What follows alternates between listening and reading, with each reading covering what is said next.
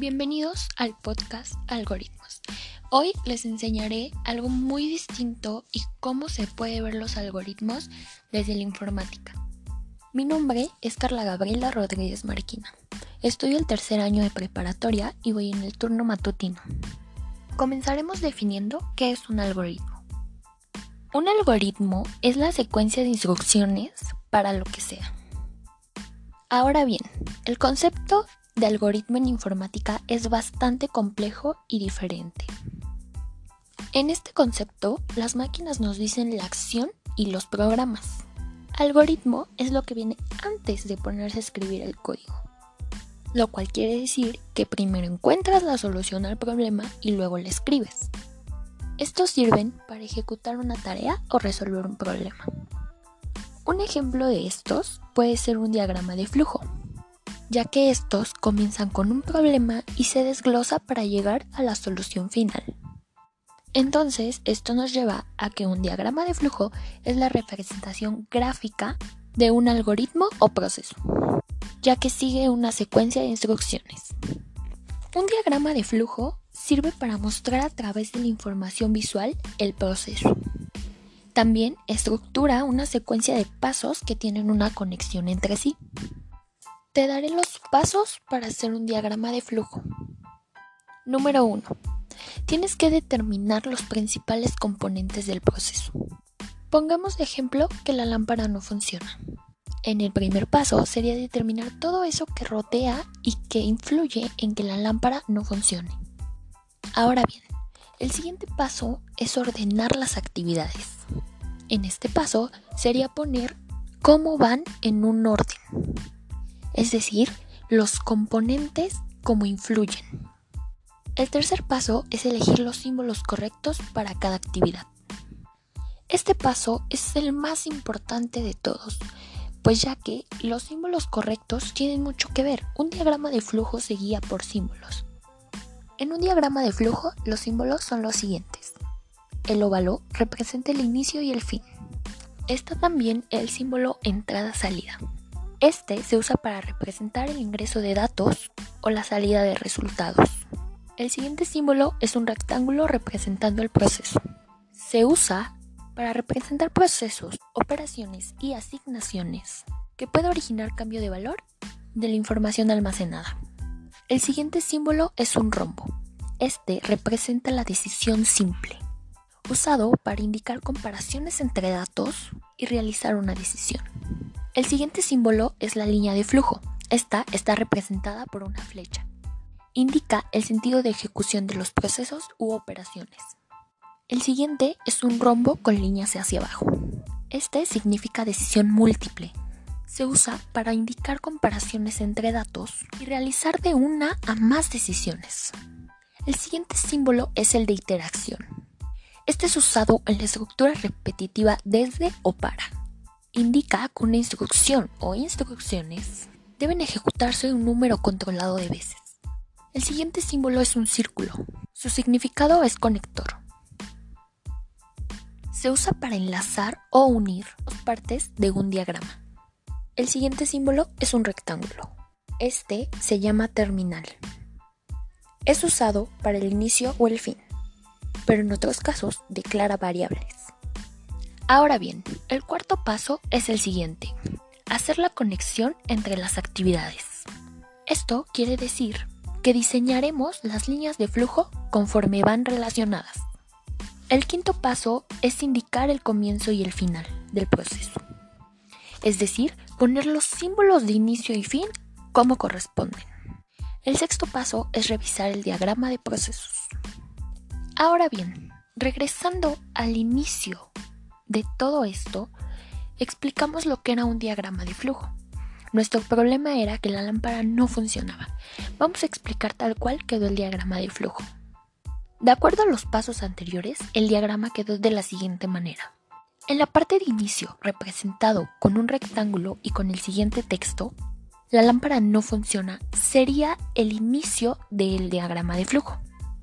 Después iría una línea de flujo, está señalando hacia un rombo que significa decisión simple con el siguiente texto. está enchufada la lámpara, que sería parte del paso 1 de determinar principales componentes del proceso.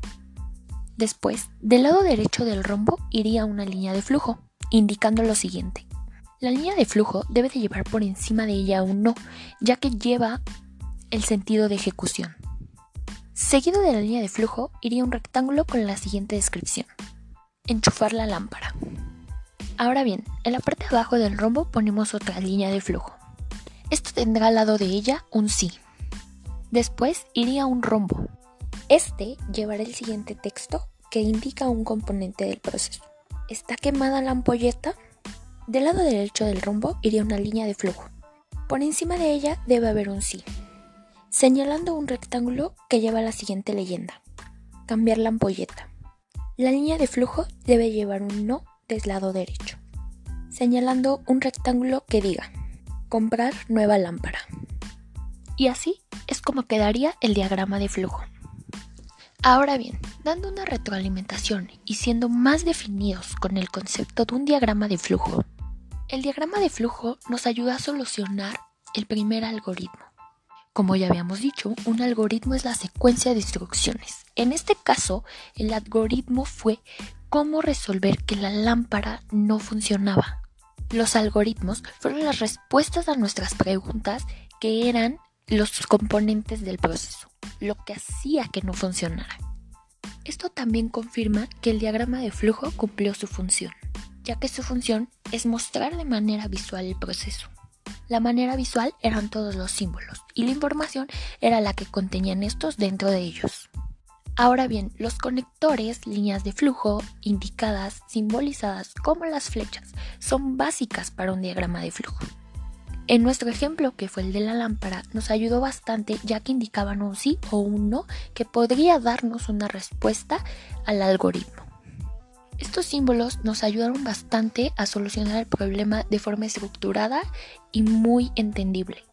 Para poder llevar todo esto a cabo es necesario que tengamos varios aspectos en mente. Uno de ellos es la lógica. Esto quiere decir que tengamos idea de cuál es el camino para lograr el objetivo. Un programa es un conjunto de instrucciones que logran un objetivo al ser ejecutadas. Esto quiere decir en el ejemplo de diagrama de flujo que al tener algo ejecutado, un objetivo, las instrucciones van a ser muy fáciles y muy simples de seguir para lograr eso que tanto queremos. Lo siguiente que tenemos que tener en cuenta es la programación. Esto es una serie de pasos para que un problema sea resuelto. Y así es como funciona un diagrama de flujo. En un algoritmo, el estado inicial se representa como input y el resultado se dice output. Si ponemos como ejemplo una multiplicación, el input vendrían siendo los números a multiplicar y el output es el resultado de la multiplicación. Y todo esto siguiendo los pasos llega al resultado correcto. En una receta de cocina, el input son los ingredientes y el output es el resultado de hacer esa receta. Los algoritmos son los pasos a seguir de la receta. Básicamente, los algoritmos son parte de nuestra vida diaria. Como bien lo decía al principio, un algoritmo es la secuencia de instrucciones para absolutamente todo. En programación, los algoritmos tienen diferentes modos de decirse. Ahí son instrucciones para que un procesador pueda hacer.